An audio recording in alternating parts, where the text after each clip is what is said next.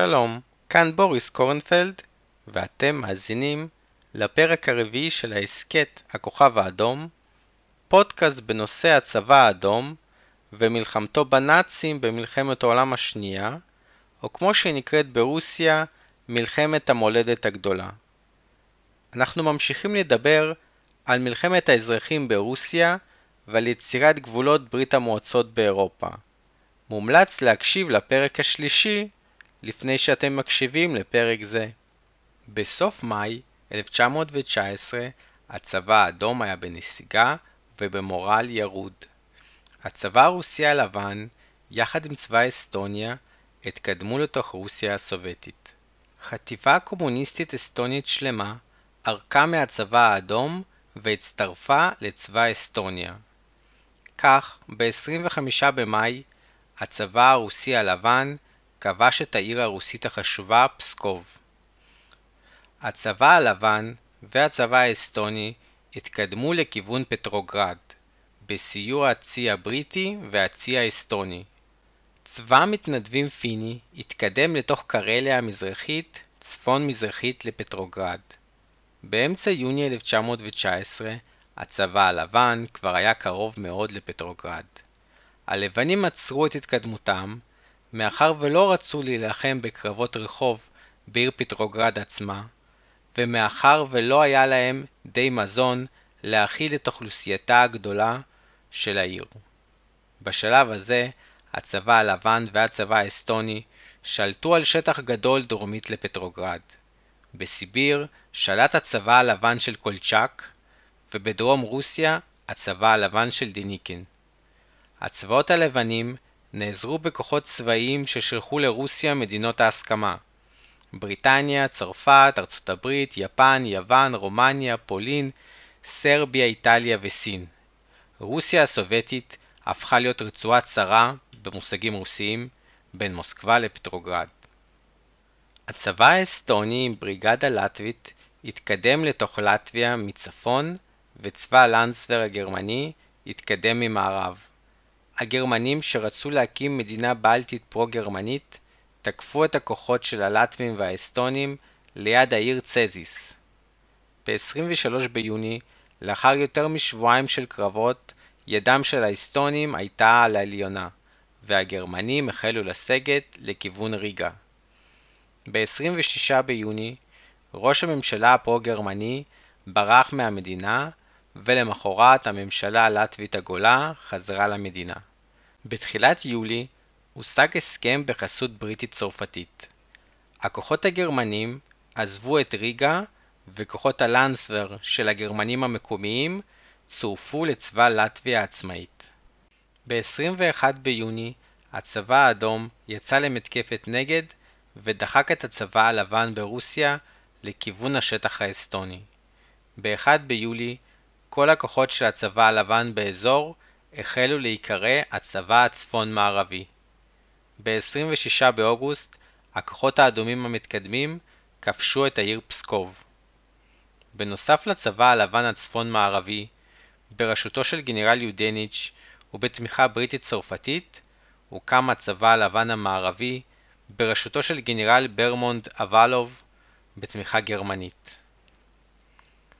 הצבא המערבי הורכב משבויי מלחמה רוסים ששוחררו על ידי הגרמנים מהשבי ומגרמנים מתנדבים. הגרמנים קיוו להשתמש בכוח הרוסי החמוש לצורך קידום האינטרסים שלהם באזור הים הבלטי.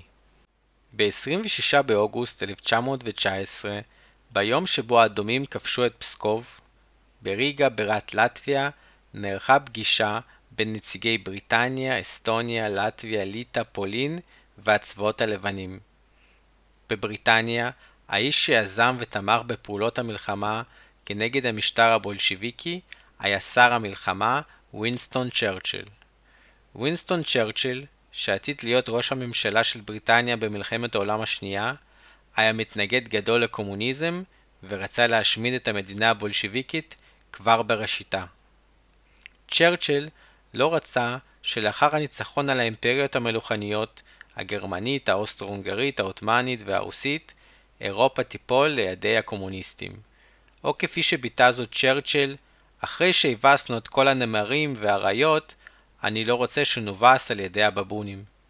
בפגישה הוחלט כי הצבא הצפון-מערבי של יודיניץ' יכבוש את פטרוגרד. הצבא המערבי, בראשות ברמון דוולוב, יתקדם מזרחה וינתק את מסילת הרכבת בין מוסקבה הבירה לבין פטרוגרד. הצי הבריטי והצי האסטוני יתקיפו מהים, בעוד הכוחות האסטונים יאבטחו את החופים. צבאות ליטא, לטביה ופולין ירתקו את הכוחות של הצבא האדום ליד גבולותיהם. בניגוד למה שקרה ביוני, הפעם הוכנו מבעוד מועד כמויות מזון גדולות עבור תושבי פטרוגרד. ביוני 1919, הגנרל מנרהיים, הרמטכ"ל הפיני וראש המדינה הזמני, סיכם בסוד עם חברו הגנרל יודיניץ' על מתקפה צבאית מתואמת של הצבא הפיני והצבא הרוסי הלבן על פטרוגרד. הגנרל הפיני דרש הכרה רוסית רשמית בעצמאות פינלנד, ולמרות הסכמתו הדיסקרטית של גנרל יודיניץ', הגנרל קולצ'אק, המנהיג הרשמי של רוסיה מטעם הלבנים, סירב להכיר בעצמאות פינלנד. הקמה של רוסיה מאוחדת על ידי הלבנים הייתה סכנה לעצמאות הפינית, ולכן עזרתו של מנרהיים לצבא הלבן זכתה לביקורת רחבה בפינלנד. ביולי 1917 מנרהיים הפסיד בבחירות לנשיאות פינלנד ועזב את המדינה. מסיבה זו, פינלנד לא סייעה כלל למתקפה המתוכננת על פטרוגרד. ב-29 בספטמבר, בעזרת שישה טנקים בריטיים, הלבנים פרצו בקלות את החזית של הצבא האדום והחלו להתקדם דרומה לכיוון העיר פסקוב. למעשה, מתקפה זו הייתה מתקפת הטיה.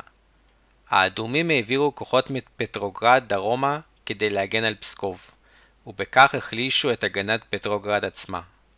ב-8 באוקטובר 1919, הצבא הצפון-מערבי של הלבנים החל במתקפה על פטרוגרד. בעזרת מספר רכבות משוריינות, כמה טנקים ומשוריינים, הלבנים פרצו בקלות את החזית ונעו צפונה. בשל תנאי דרכים גרועים, הרכבות, הטנקים והמשוריינים נשארו מאחור, אך הצבא הצפון-מערבי הגיע לפאתי פטרוגרד כבר ב-17 באוקטובר והחל להתכונן לכיבוש העיר. שר הביטחון הסובייטי, לב טרוצקי, שהגיע לפטרוגרד באותו היום, הורה להוציא להורג כל חייל עשירי ביחידות שיעזו לסגת. בעקבות הפקודה, הנסיגות החפוזות פסקו והצבא האדום החל להתנגד לצבא הלבן למרות האבדות הכבדות. לאורך החוף התקדם הצבא האסטוני בסיוע הצי הבריטי והצי האסטוני. המתקיפים נעצרו ליד מבצר קרסנה גורקה, הגבעה האדומה. בעוד מטרת הצבא הצפון-מערבי היה כיבוש פטרוגרד, מטרת הצבא והצי האסטוני היה למעשה השמדת הצי הרוסי. כך כתב בזיכרונותיו מפקד המבצע האדמירל האסטוני פיטקה.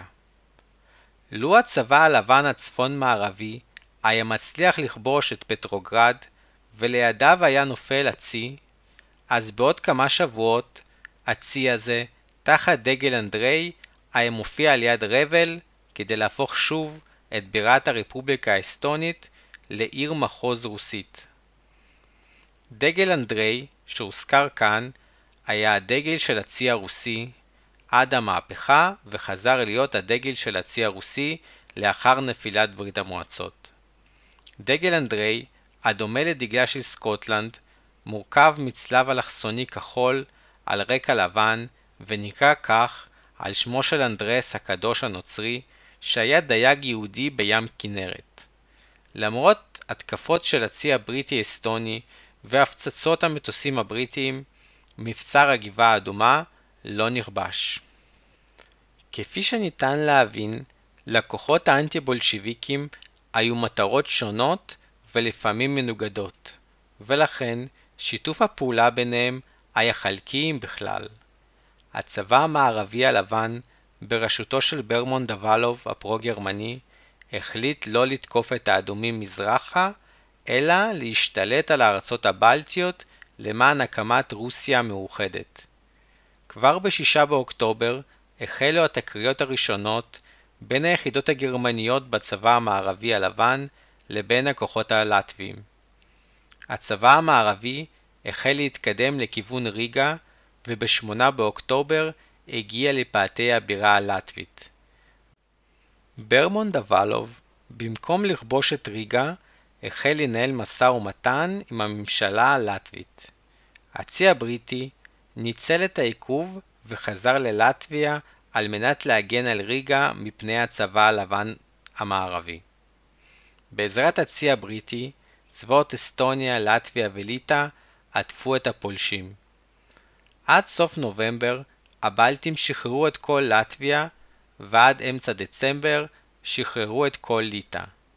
ברמון דבלוב, מפקד הצבא המובס, ברח לגרמניה. החל מ-19 באוקטובר, בעוד הצבא הלבן הצפון-מערבי מנסה לכבוש את פטרוגרד, הים הבלטי נותר ללא הצי הבריטי-אסטוני, והחוף נותר ללא הכוחות האסטוניים שנסוגו דרומה להגן על לטביה. הצי הסובייטי החל להנחית נחתים על החוף באגף השמאלי החשוף של הצבא הלבן הצפון-מערבי. ב-21 באוקטובר הצבא האדום עבר ממגננה למתקפה. הצבא הצפון-מערבי החל בנסיגה לכיוון אסטוניה. בנובמבר, שאריות הצבא הצפון-מערבי המובס נסוגו לשטחה של אסטוניה. שם, בתחילת דצמבר, הרוסים הלבנים פורקו מנשקם ונעצרו על ידי השלטונות האסטונים. ב-3 בינואר 1920 החלה הפסקת האש בין רוסיה הסובייטית לבין אסטוניה. ב-2 בפברואר בטרטור נחתם הסכם השלום בין אסטוניה לבין רוסיה הסובייטית. גבולה של אסטוניה נקבע לפי קווי הפרדת הכוחות הלוחמים. כך אסטוניה עצמאית כללה גם שטחים בעלי רוב רוסי. כעת נדבר על מערב בלארוס ומערב אוקראינה. החל מהמאה התשיעית ועד המאה ה-13, אזורים אלה היו שייכים לרוס של קייב. לאחר הפלישה המונגולית לרוסיה בשנת 1240, אזורים אלה נפלו בהדרגה להשפעה ליטאית פולנית. נסיכי מוסקבה משושלת רוריק וגם הצארים הרוסיים משושלת רומנוב מעולם לא הכירו בשליטת הליטאים והפולנים בשטחים המערביים של רוסיה, וניהלו נגד הליטאים והפולנים מלחמות רבות. בין 1772 לבין 1795, לאחר שלוש חלוקות פולין, רוב שטחי מערב בלארוס ואוקראינה חזרו לרוסיה, כאשר אזור גליציה עבר לאימפריה האוסטרית. באזור הזה, ביצות פריפט הן גבול טבעי בין בלארוס מצפון לביצות לאוקראינה מדרום להן. בזמן מהפכת אוקטובר, כל שטחה של פולין היה כבוש על ידי הגרמנים והאוסטרו-הונגרים. מעצמות הציר הכריזו על כוונתם להקים מדינת חסות פולנית, אך לפולין לא היו ממשלה או גבולות. במצב העניינים הזה, ב-10 בדצמבר 1917, רוסיה הסובייטית הכירה בעצמאות פולין. ב-25 בינואר 1918, הקורפוס הפולני של הצבא הרוסי, שהיה מורכב מפולנים אתניים, מרד כנגד הרוסים. ב-29 בינואר, הפולנים כבשו את העיר הבלארוסית בוברויסק. עם הפלישה הגרמנית לרוסיה, בפברואר 1918, הקורפוס הפולני נלחם לצידם של הגרמנים, וב-21 בפברואר כבש את מינסק, בירת בלארוס לעתיד. במאי 1918 הגרמנים פירקו את הפולנים מנשקם ואלה חזרו לפולין. במרץ 1918, בעקבות הסכם ברסט-ליטובסק, הצבא הגרמני השתלט על מערב אוקראינה ועל מערב בלארוס. הרפובליקה הסובייטית של אוקראינה למעשה התבטלה. כעבור קצת יותר מחודש, ב-28 באפריל 1918 הגרמנים פיזרו את הפרלמנט האוקראיני ומינו את סקורופצקי לשליט בובה במקום. כזכור, בנובמבר 1918, לאחר תבוסת מעצמות המרכז במלחמת העולם הראשונה, הגרמנים והאוסטרים החלו לסגת מערבה. סקורופצקי הפרו-גרמני הכריז על הצטרפות אוקראינה לפדרציה עם רוסיה הגדולה. ב-14 בנובמבר פרץ מרד של תומכי העצמאות האוקראינית כנגד סקורופצקי. בראש המרד עמד ויניצ'נקו, ועל כוחות המורדים פיקד סימון פטלורה. ב-14 בדצמבר המורדים כבשו את קייב. סקורופצקי ויתר על השלטון וברח לגרמניה. ב-1 בנובמבר 1918 האוקראינים בגליציה האוסטרו-הונגרית הכריזו על הקמת רפובליקה מערב אוקראינית עצמאית עם הבירה בעיר לבוב, בהנהגתו של יבגני פטרושביץ'. כעת היו שתי רפובליקות אוקראיניות עצמאיות, אוקראינה עם הבירה בקייב ואוקראינה מערבית עם הבירה בלבוב. שתי המדינות אמנם הכריזו על שיתוף פעולה, אך למעשה לא היה שום שיתוף פעולה צבאי או פוליטי ביניהן. ב-11 בנובמבר פולין הכריזה על עצמאות והחלה להילחם כנגד המערב אוקראינים. יהודי לבוב התארגנו ביחידות להגנה עצמית והודיעו על ניטרליות במלחמה בין הפולנים לאוקראינים. ב-21 בנובמבר 1918 הצבא הפולני כבש את העיר לבוב מידי הצבא של הרפובליקה המערב-אוקראינית. מיד לאחר הכיבוש, הפולנים ערכו פוגרום בעיר ורצחו 340 אנשים, ביניהם כ-150 יהודים. בעקבות הפוגרום, היהודי שלמה סלומון ליינברג, קצין לשעבר בצבא אוסטרו-הונגריה, הקים גדוד יהודי בצבא המערב-אוקראיני. עם נסיגת הגרמנים, בנובמבר 1918, כוחות הצבא האדום החלו להתקדם לתוך השטחים המשוחררים בבלארוס ובליטא. ב-10 בדצמבר הצבא האדום נכנס למינסק. פולנים, תושבי בלארוס וליטא, החלו להתארגן ביחידות צבאיות. יוזף פילצוצקי, ראש המדינה הזמני של פולין, הכיר במיליציות הפולניות כחלק מהצבא הפולני. מטרתו של פילסוצקי הייתה הקמת מדינה פולנית בגבולות 1772 שתכלול את ליטא, בלארוס ואוקראינה כמדינות חסות. ב-1 בינואר 1919 התרחשו שלושה אירועים חשובים. בבלארוס הוכרזה הרפובליקה הסובייטית של בלארוס בברית עם הרפובליקה הסובייטית של רוסיה. באותו היום הצבא הפולני נכנס לווילנה, כיום וילנוס, בירת ליטא. בנוסף לכך, בחרקוב שבאוקראינה פרץ מרד בולשביקי. כוחות הצבא האדום פלשו לאוקראינה והחלו להילחם בכוחות האוקראינים. בשלושה בינואר הצבא האדום נכנס לחרקוב. באותו היום הצבא הפולני פלש למחוז בולין והחל להילחם גם כנגד הרפובליקה האוקראינית. האוקראינים היו לחוצים בין הרוסים לבין הפולנים כבין הפטיש לסדן. לכן ב-22 בינואר 1919 האוקראינים והמערב אוקראינים הכריזו על איחוד ביניהם. בחמישה בפברואר הצבא האדום כבש מהאוקראינים את עיר הבירה קייב. במרץ הוכרזה הרפובליקה הסובייטית האוקראינית. עד למאי 1919 האדומים כבשו כמעט את כל אוקראינה בגבולות האימפריה הרוסית. הממשלה האוקראינית שלטה רק בחלק המערבי של המדינה, במחוזות בולין ופודוליה. ב-6 בינואר 1919 נערכו הקרבות הראשונים בין הסובייטים למיליציות של הפולנים. במהלכם הצבא האדום כבש את וילנה. תחילה הפולנים לא יכלו לשלוח תגבורות מזרחה כנגד הצבא האדום, מאחר והם התכוננו למלחמה אפשרית עם צ'כוסלובקיה ועם גרמניה. רק לאחר התערבות מדינות ההסכמה, נחתם הסכם בין הפולנים לגרמנים, אשר אפשר את העברת כוחות הפולנים מזרחה. הגרמנים פינו את כוחותיהם מערי מערב בלארוס ואוקראינה, שהוחלפו בכוחות הפולנים. כך בפברואר הפולנים נכנסו לקובל, ברסט ליטובסק ובלוסטוק. באמצע פברואר 1919 כוחות הצבא האדום שהתקדמו ממזרח פגשו את כוחות הצבא הפולני על אדמת בלארוס.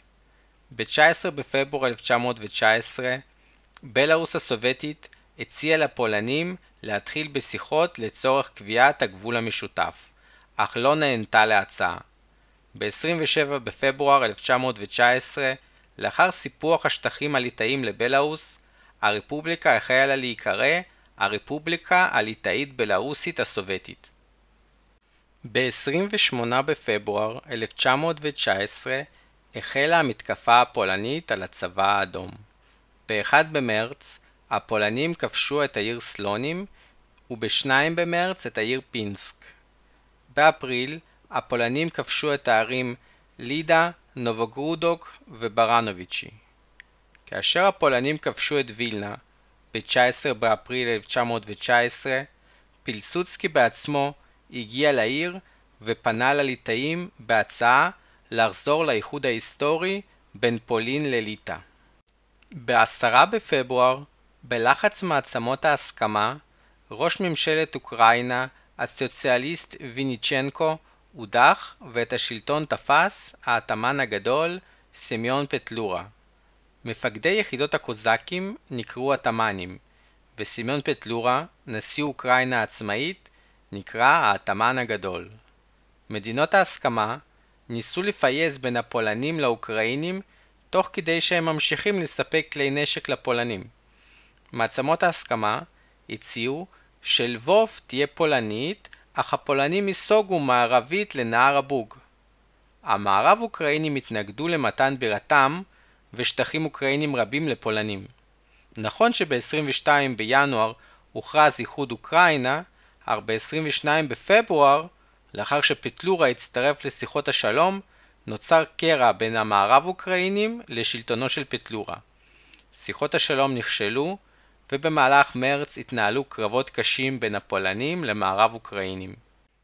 באמצע אפריל, ממשלת מערב אוקראינה ביקשה לשבת לשולחן המשא ומתן. הסיבה לכך היה הצבא הכחול של אלר. הצרפתים חימשו ואימנו 65 אלף פולנים אתניים מבין חיילי צבא צאר בצרפת ומבין השבויים הגרמנים והאוסטרו-הונגרים. חיילי הצבא הכחול לבשו מדים כחולים של הצבא הצרפתי ומכאן שמם. למערב אוקראינים לא היה שום סיכוי מול צבא מיומן שלרשתו עמדו כמעט 100 טנקים. הפולנים החזקים לא היו מעוניינים במשא ומתן. הפולנים קיבלו אישור של בריטניה, צרפת, ארצות הברית ואיטליה לכיבושה של מערב אוקראינה. ב-14 במאי הצבא הפולני פתח במתקפה על הכוחות האוקראינים. הצבא של מערב אוקראינה קרס והחל לסגת מול הפולנים. ב-24 במאי גם הצבא הרומני הצטרף לפולנים ופלש לאוקראינה המערבית. ב-7 ביוני הצבא המערב-אוקראיני יצא למתקפת נגד. הצבא הפולני היה מתוח מדי וההתקפה האוקראינית הייתה מוצלחת. נוצר אפילו חשש כי האוקראינים יצליחו לשחרר את לבוב. הפולנים התארגנו ויצאו למתקפת נגד משלהם ב-25 ביוני. עד אמצע יולי הפולנים יחד עם רומנים והצ'כוסלובקים השתלטו על כל גליציה וביטלו את הרפובליקה המערב-אוקראינית המקומית.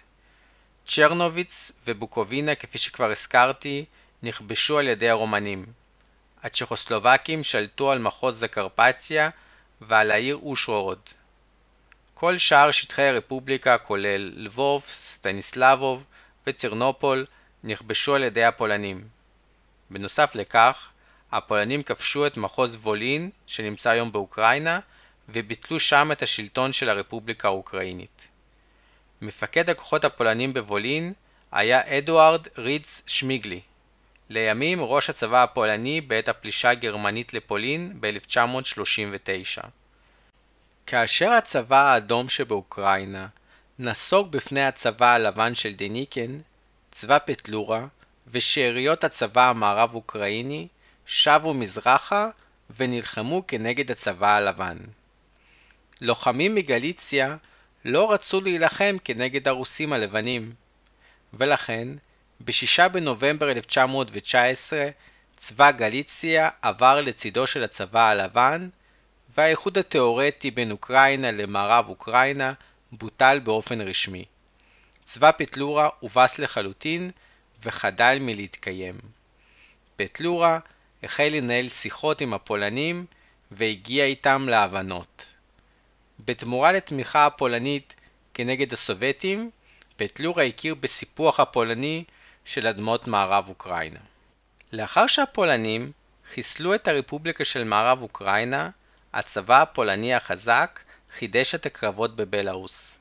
כפי שהרוסים נסוגו בבלארוס בפני הגרמנים ב-1918, כך באותם הדרכים המוכרות הם נסוגו בפני הפולנים ב-1919. ב-9 באוגוסט הפולנים כבשו את הבירה הבלארוסית מינסק. ב-29 באוגוסט את העיר בובויסק. מבחינת הצבא האדום, החזית מול הפולנים הייתה משנית. באותו הזמן, הצבא הלבן, בראשותו של גנרל זיניקין, התקדם מדרום רוסיה לכיוון מוסקבה הבירה. החל מאוקטובר 1919, הפולנים והסובייטים הכריזו על הפסקת האש. דניקין וראשי הצבא הלבן הכירו בעצמאות פולין, אך לא בשליטתם על שטחי בלארוס ואוקראינה. לכן, לפי החלטת מעצמות ההסכמה, שר החוץ של בריטניה, לורד קרזון, הכריז על קו גבול בין פולין לרוסיה על פי המפתח האתני. קו קרזון, על שם שר החוץ הבריטי, עבר כמאה קילומטר מזרחית לגבול ההיסטורי בין פולין לרוס של קייב מהמאה ה-13. אך האוכלוסייה שגרה מערבית לקו כבר הייתה בעלת רוב פולני קתולי. מעצמות ההסכמה דרשו מפולין להמשיך את המתקפה בבלארוס על מנת לסייע לדיניקין לכבוש את מוסקבה. אולם, הצבא הפולני, שהיה כבר הרבה יותר מזרחית לקו קרזון, לא היה מעוניין להילחם לטובת הרוסים הלבניים, ולאחר מכן לסגת מהשטחים שכבר כבשו. לכן, הפולנים הפסיקו את הלוחמה כנגד הצבא האדום, והחלו לנהל שיחות דיפלומטיות עם רוסיה הסובייטית. שיחות הפיוס עם הפולנים אפשרו לצבא האדום להעביר כוחות מהחזית הפולנית דרומה ולהביס את הכוחות של גנרל זיניקין. בינואר 1920 צבא לטביה, בעזרת צבא פולין של ריץ שמיגלי, כבש את מחוז לטגליה ובכך השלים את כיבוש כל לטביה הסובייטית שחדלה מלהתקיים. ב-30 בינואר 1920 רוסיה הסובייטית ולטביה הכריזו על הפסקת אש. למרות זאת, עד יולי 1920 הלטבים המשיכו לבצע פשיטות על השטח הסובייטי ולקחת שבויים ושלל. במרץ 1920 הפולנים כבשו מהסובייטים את העיר מוזיר בדרום בלארוס. ב-25 באפריל 1920 הפולנים תקפו לאורך כל החזית באוקראינה. לפולנים וללאומנים האוקראינים בראשותו של פטלורה היה יתרון של למעלה מפי ארבע בסדר הכוחות באוקראינה. הצבא האדום נאלץ לסגת. כפי שהרוסים נסוגו באוקראינה בפני הגרמנים ב-1918, כך הם נסוגו ב-1920 בפני הפולנים. ב-26 באפריל, פילסוצקי נאם בז'יטומר הכבושה והכריז על הכרתו בעצמאות אוקראינה. פטלורה, המנהיג האוקראיני, הכריז מצידו על נאמנותו לברית האוקראינית-פולנית. בזמן מלחמת האזרחים הרוסית, חייליו של פטלורה ביצעו פרעות רבות ורצחו מעל ל-50 אלף יהודים. במאי 1926, היהודי יליד בסרביה שלום שוורצבורד, המכונה הנוקם, חיסל את פטלורה בפריס. במשפט שנערך בפריס, שוורצבורד זוכה מכל אשמה לאחר שהציג למושבעים את הזוועות שביצעו חיילי פטלורה. ב-7 במאי הפולנים כבשו את הבירה האוקראינית קייב והקימו ראש גשר בגדה המזרחית של נהר הדניפר. במאי 1920 הצבא האדום העביר תגבורות מערבה והיה מוכן למתקפת הנגד. ב-14 במאי החזית המערבית של הצבא האדום בפיקודו של מיכאיל טוחצ'בסקי יצא למתקפה בבלארוס, אך המתקפה נעצרה והצבא האדום הובס במתקפת הנגד הפולנית בתחילת יוני. לעומת זאת, החזית הדרום-מערבית, בפיקודו של אלכסנדר יגורוב, הצליחה הרבה יותר. ב-27 במאי, החזית הדרום-מערבית החלה במתקפה. תחת פיקודו של יגורוב, הייתה ארמיית הפרשים מספר 1 של סמיון בודיוני, אשר פרצה את החזית הפולנית ב-5 ביוני, וב-7 ביוני כבשה את הערים ז'טומר וברדיצ'ב על מחסניהם. הצבא הפולני של רידז שמיגלי היה בסכנת כיתור. הפולנים עזבו את קייב והחלו בנסיגה מהירה מערבה. הארמיה של בודיוני המשיכה להתקדם וב-10 ביולי כבשה את העיר רובנו. למעשה, עד עכשיו בהסכת כבר הזכרנו את כל חמשת המרשלים הראשונים של ברית המועצות. בפרק הראשון הזכרנו את וסילי בלוכר, מפקד פיקוד המזרח הרחוק, שמת בזמן החקירה, ולאחר מותו הואשם כי היה מרגל יפני. בפרקים הראשונים גם הזכרנו את קלימנט ורשילוב, שהיה שר הביטחון של ברית המועצות בין 1934 לבין 1940. כעת הזכרנו את מיכאיל טוחצ'בסקי, מפקד החזית המערבית בבלארוס, את אלכסנדר יגורוב, מפקד החזית הדרום-מערבית באוקראינה, ואת סמיון בודיוני, מפקד ארמיית הפרשים הראשונה. קלים וורושילוב ויוסיף סטלין היו חברי מועצת החזית הדרום-מערבית של יגורוב. טוחצ'בסקי ויגורוב יוצאו להורג ב-1937 וב-1939. לאחר מותו של סטלין, פלוכר, טוחצ'בסקי ויגורוב יזוכו מכל אשמה. ב-4 ביולי החזית של טוחצ'בסקי יצאה במתקפה בבלארוס. ב-10 ביולי נכבשה בברויסק, ב-11 ביולי הבירה הבלארוסית מינסק, ב-14 ביולי נכבשה וילנה, ב-26 ביולי הצבא האדום חצה את כף קרזון וכבש את בלוסטוק. ב-1 באוגוסט הצבא האדום נכנס לברסט. עם התקדמות הצבא האדום לתוך פולין, המדינות הבלטיות הזדרזו לחתום על הסכמי שלום עם רוסיה הסובייטית. האסטונים כאמור חתמו על הסכם שלום כבר בפברואר 1920. ב-12 ביולי 1920 במוסקבה נחתם הסכם השלום בין רוסיה הסובייטית לבין ליטא. ב-11 באוגוסט 1920 רוסיה הסובייטית ולטביה חתמו על הסכם שלום. בתחילת יולי פולין פנתה למעצמות ההסכמה בבקשת סיוע כנגד הפלישה הסובייטית. מעצמות ההסכמה דרשו מהפולנים לסגת לכף קרזון.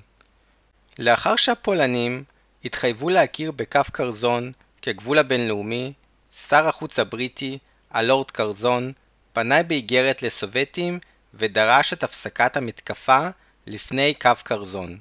אחרת איים הבריטי, מדינות ההסכמה יפעלו כנגד רוסיה הסובייטית. הסובייטים התעלמו מהאיגרת ומהאיומים. לנין ראה בכיבוש פולין גשר למהפכה בגרמניה. לנין האמין כי הפועלים והחקלאים הפולנים יצטרפו למהפכה, ולאחר מכן יעשה זאת גם הפרולטריון הגרמני. בינתיים, מצבם של הפולנים המשיך להידרדר. החזית הדרום-מערבית של יגורוב המשיכה במתקפה. ב-9 ביולי נכבשה פרוסקורוב, ב-1 ביולי קמיניץ פודולסקי, וב-25 ביולי החלה המתקפה על העיר לבוב. ב-23 ביולי הוקמה המועצה המהפכנית של פולין, שהייתה אמורה לקחת לידיה את השלטון לאחר הפלת שלטונו של פילסוצקי. ב-1 באוגוסט בבלוסטוק הכריזו על הקמת הרפובליקה הסובייטית של פולין והקמת הצבא האדום הפולני. מנהיג פולין הסובייטית בפועל היה הפולני פליקס ג'רג'ינסקי, שהיה במקביל ראש המשטרה החשאית של רוסיה הסובייטית. צריך לזכור שהמלחמה בין הסובייטים לפולנים הייתה חלק ממלחמת האזרחים של רוסיה. מאות אלפי פולנים רצו את הפיכת פולין לרפובליקה סובייטית ושירתו בצבא האדום. כך גם מפקד החזית המערבית, מיכאיל טוחצ'בסקי, היה פולני בעצמו. התוכנית להפוך את פולין לקומוניסטית תצליח רק לאחר מלחמת העולם השנייה. ואכן, מרשל רוקוסובסקי, שהיה פולני אף הוא, יהפוך להיות לשר הביטחון של פולין הקומוניסטית. אולם, ב-1920, רוב המוחלט של הפולנים התייצב למען פולין עצמאית כנגד הכוחות הבולשביקים. במהלך כל המלחמה, התעמולה הפולנית באוקראינה ובלארוס התבססה על האשמה האנטישמית בכך שהיהודים הקומוניסטים רוצים להשתלט על הסלאבים הנוצרים. לפני הקרב על ורשה, הפולנים הוציאו את המתנדבים היהודים מיחידותיהם ועצרו אותם. ב-13 באוגוסט, החזית של טוחצ'בסקי החלה במתקפה על ורשה. התוכנית הייתה לעקוף את העיר מצפון ולתקוף אותה מהמערב. ב-14 באוגוסט, הצבא האדום מצא על קצין פולני הרוג את תוכניות מתקפת הנגד הפולנית. הסובייטים סברו כי מדובר במידע מטה שנשתל בכוונה כדי לסכל את המתקפה הסובייטית על ורשה, ולכן התעלמו מהתוכניות.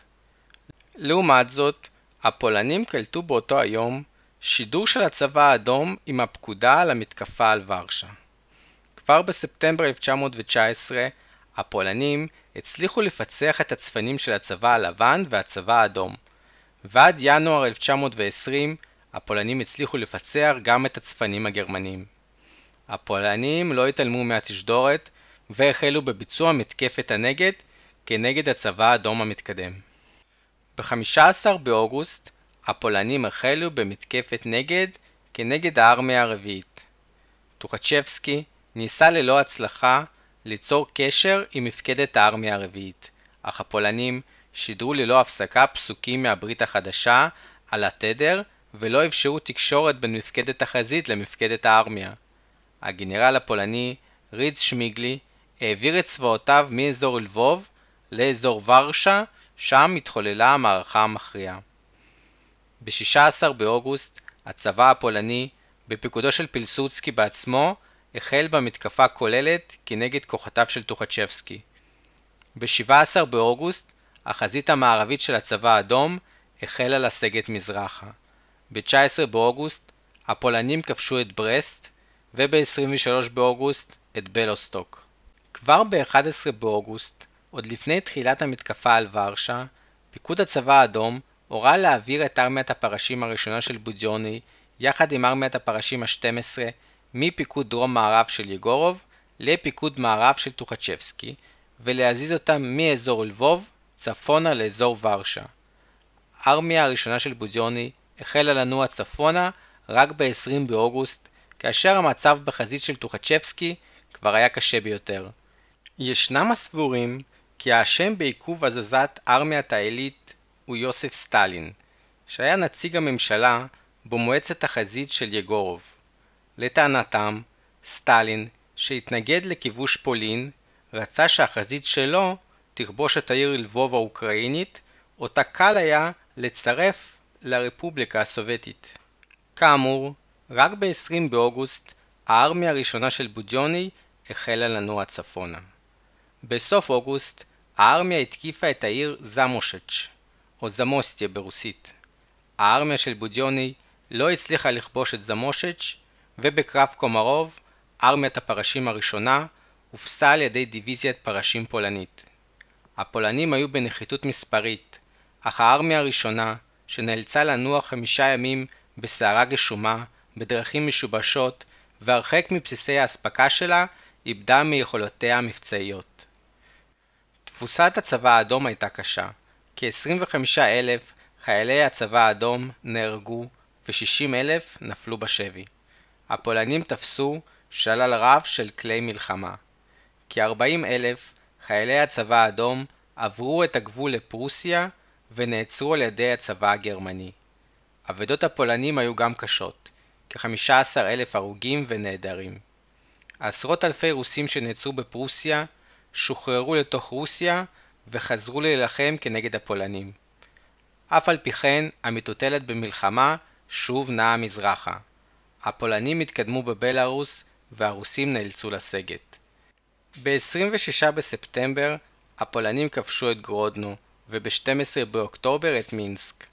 באותו היום, רוסיה ואוקראינה הסובייטיות חתמו עם פולין על הסכם לשביתת הנשק. ב-21 במרץ 1921 נחתם הסכם השלום בין פולין לרוסיה הסובייטית. החותם בהסכם מטעם רוסיה הסובייטית היה הדיפלומט היהודי אדולף יופה.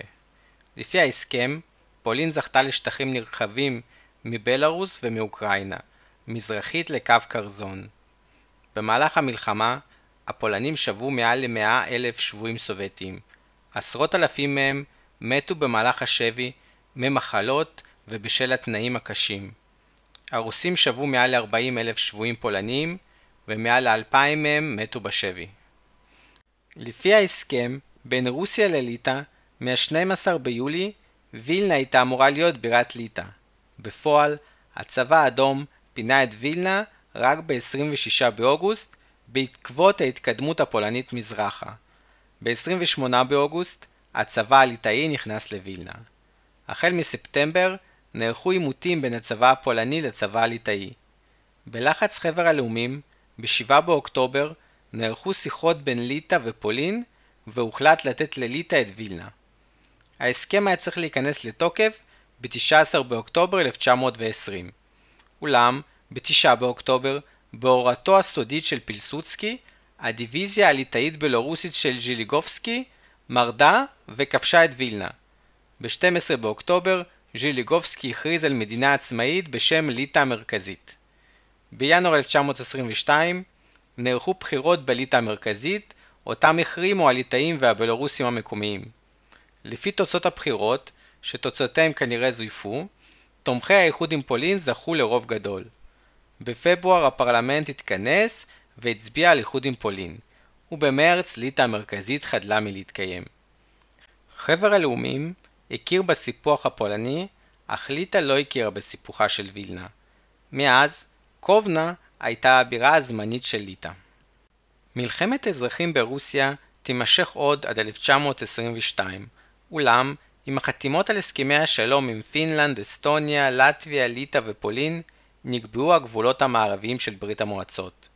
בסרביה או מולדובה של היום תמשיך להיות שטח שבמחלוקת בין ברית המועצות לרומניה עד לסוף שנות ה-30, כאשר גבולות באירופה יתחילו להשתנות שוב. כעת אספר על המצביע היהודי מפורסם של מלחמת האזרחים ברוסיה, יונה יקיר.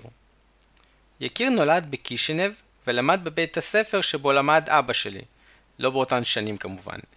יקיר שרצה להיות רוקח, כאביו, נסע ללמוד בבאזל בשוויץ. היום יהודים רבים נוסעים מישראל למולדובה ללמוד רפואה ורוקחות, אך באותם הימים, בגלל נומרוס קלאוזוס, היהודים התקשו להתקבל לאוניברסיטאות ברוסיה ונסו ללמוד במערב. מעניין שגם בשנות ה-30, כאשר מולדובה הייתה רומנית, היהודים המשיכו לנסוע ללמוד במערב.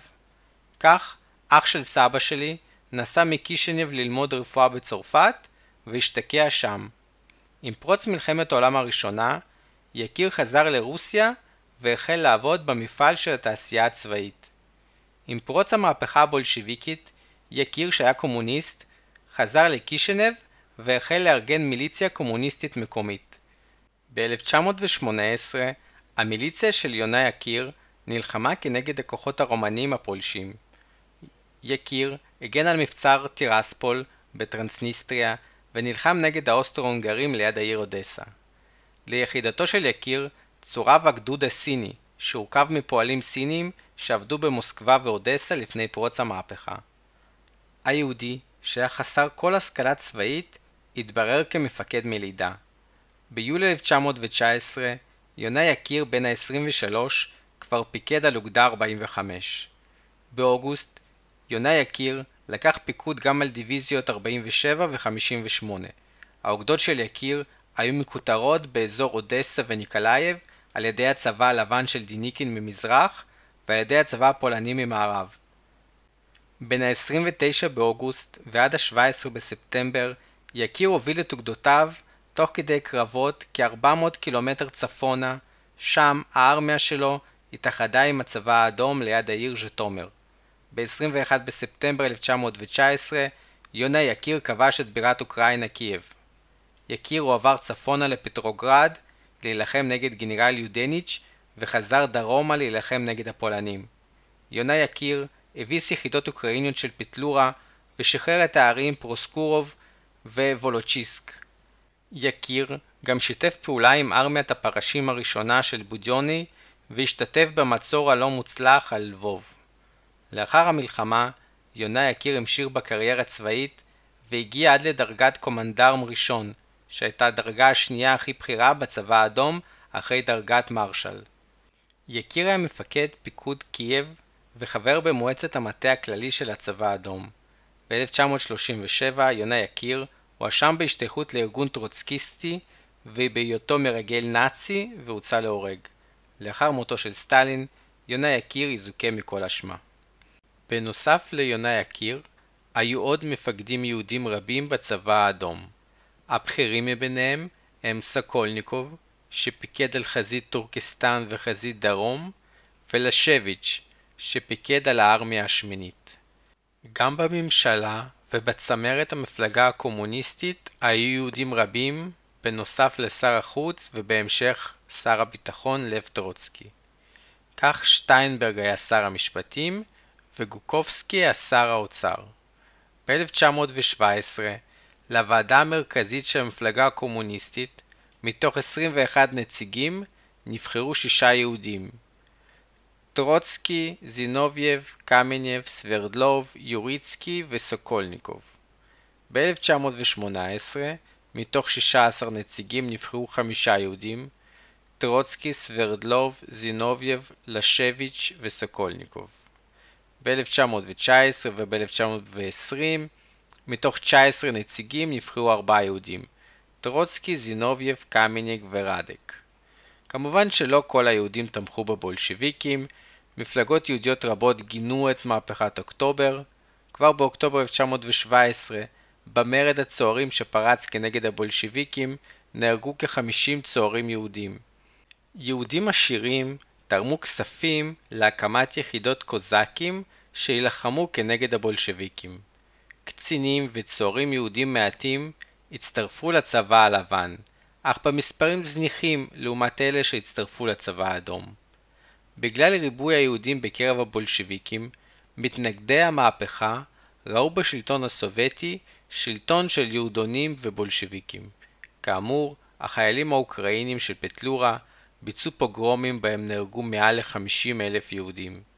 הצבא הרוסי הלבן ניהל תעמולה אנטישמית תחת הסיסמה וזמיך ורסטינו גני ז'דף פלסטינו, כלומר, קר זרד וגרש את היהודון לפלסטינה. בצבא הלבן הייתה קריאה למסע צלב כנגד היהודים. באוקטובר 1919, פיקוד הצבא הלבן הורה לפטר את כל הקצינים היהודים. החיילים היהודים בצבא הלבן זכו ליחס עוין.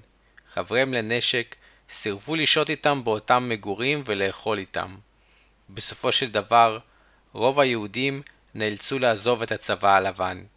הצבא הלבן ביצע כ-300 פוגרומים ביהודים, בהם נרצחו כ-8,000 יהודים. ברחבי רוסיה ואוקראינה, היהודים הקימו יחידות להגנה עצמית כנגד הפורעים. יחידות אלה היו מצטרפות לצבא האדום, כך שנוצרו יחידות שהיו מורכבות אך ורק מיהודים. גם חיילים של הצבא האדום ביצעו פוגרומים ביהודים, אך הפורעים היו נשפטים ומוצאים להורג. מעל למאה אלף יהודים מתו במהלך מלחמת האזרחים, מהפרעות, מהקרבות ומהטרור הלבן והאדום. לאחר המלחמה נותרו כ-300 אלף ילדים יהודים יתומים. הזכרנו מספר פעמים את ארמיית הפרשים הראשונה של בודיוני. הארמיה הוקמה בערבות קובאן בהחלטת מועצת המהפכה שכללה את סטלין, יגורוב וורשילוב.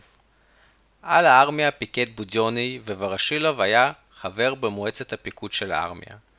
הארמיה נלחמה כנגד הצבא הלבן ליד נהר אדון וכנגד הקוזקים האוקראינים של האטמן הגדול פטלורה.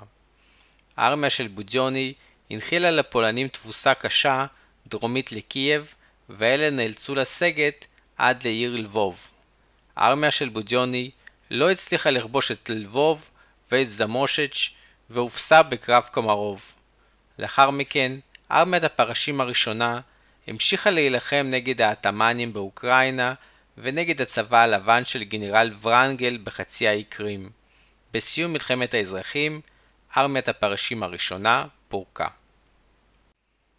ב-1937, לזכר דרכה הצבאית של ארמיית הפרשים הראשונה, אלכסיי סורקוב כתב את מילות השיר של ארמיית הפרשים. גם הלחן של השיר הזה, כמו הלחן של השירים משני הפרקים הקודמים, הוא של שני האחים היהודים, דניאל ודימיטרי פוקרס. דרך אגב, דמיטרי פוקרס בעצמו היה לוחם בארמיית הפרשים הראשונה של בודיוני. להלן התרגום שלי של השיר בדרכים צבאיות, בדאגות וקרבות, שנת שמונה עשרה הקרבית נסעה. ההכנות היו קצרות, מוולגה ועד הערבות הקמנו את הסוסים למסע. בנחום ואבק יצאנו למאבק עם בודיוני בדהירה. בגיבנות הגבעות, במעברות הנהרות, תהילתנו הרועשת עברה. על אדון ובלבוב עצמות לבנות נרקבות, ארוחות מנשבות על קברים. זוכרים כלבים, התמנים, זוכרים פולנים, הפנים, את חרבות פרשים האדומים. אם ארצנו השלווה תוצף שוב במלחמה, בסערת מקלעים גשומה, בצירים מוכרים, תחת דגלים אדומים, שוב נוביל את סוסי מלחמה. בניגוד למשתמע ממילות השיר, כזכור, בלבוב ובזמושץ' הצבא האדום מובס על ידי הפולנים, וערים אלה נשארו מחוץ לגבולות ברית המועצות. בנוסף לכך, במקור הרוסי של השיר, כתוב שהם יובילו את סוסי המלחמה אחרי הנרקום האהוב, כלומר, אחרי שר הביטחון וורושילוב, שהיה ממפקדי הארמיה. כמו כל שיר רוסי טוב באותם הימים, לשיר של ארמיית הפרשים נוצרה גרסה בעברית שנפוצה בקרב המתנדבים מארץ ישראל למלחמת האזרחים בספרד. להלן המילים עם תרגום לא ידוע, הלקוח מאתר זמר רשת, משירון משירי הקומסומול. ובבוא היום והם יחזורו, ובתותחים עלינו יורו, אז נניף את דגלנו אדום, עם וורושילוב נסתערה, עם בודיוני נבערה, את חילת הפשיסטים עד תום. באמצע שנות ה-40, חיים גורי כתב את השיר "יום יבוא אחים נחזורה", ללחן של שיר ארמיית הפרשים של האחים פוקרס. בשיר של חיים גורי מתוארת ההעפלה הימית לארץ ישראל כחלק מהמאבק כנגד השלטון הבריטי בארץ ישראל והתקווה למדינה יהודית עצמאית. להלן הביצוע של שמעון ישראלי, עיבוד יחזקאל בראון, מתוך ערוץ היוטיוב של עמותת שיר עד.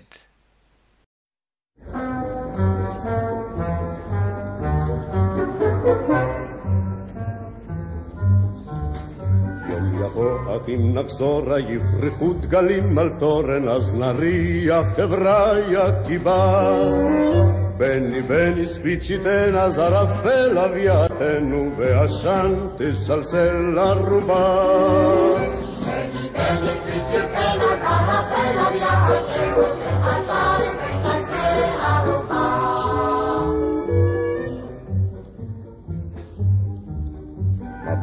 תדרי בזמר, נתיבות יחיו עד גמר, ומלאך יחייך מסיפור.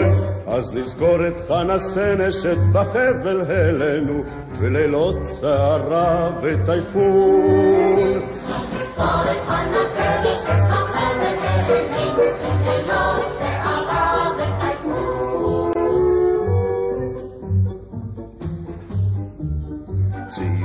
ישוט חבריה ולאור שמי הצהריים, זה יהיה כבכל ארץ ועם. וקיבוץ עברי על רכס ופקידיו של בית המכס יחייכו בנפנוף כובעם. קיבוץ עברי על רכס ותפילת של בית המכס, יברכו וניתנו הודעה.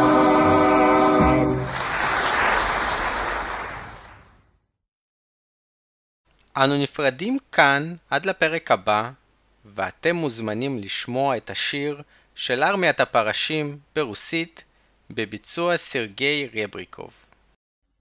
thank you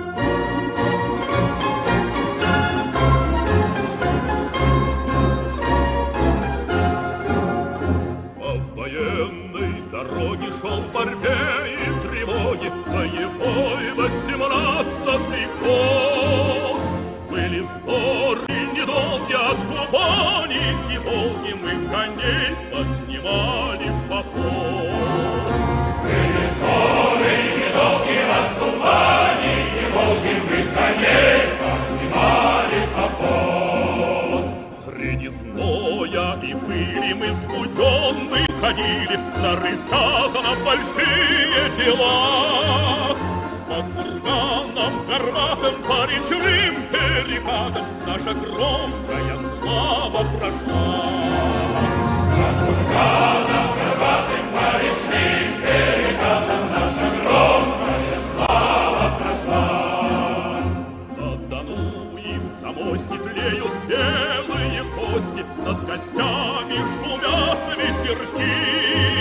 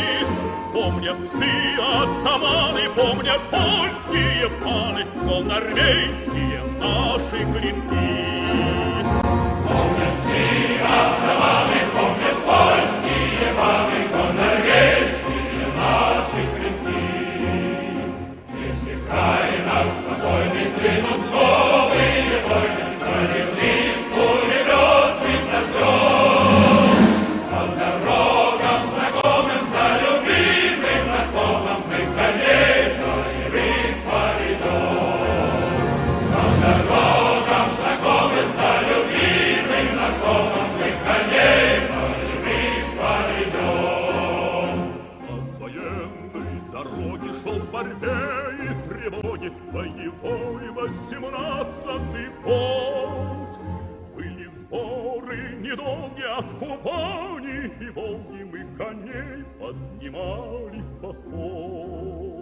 Принесворы и ноги окупали, и логин мы коней поднимали поход.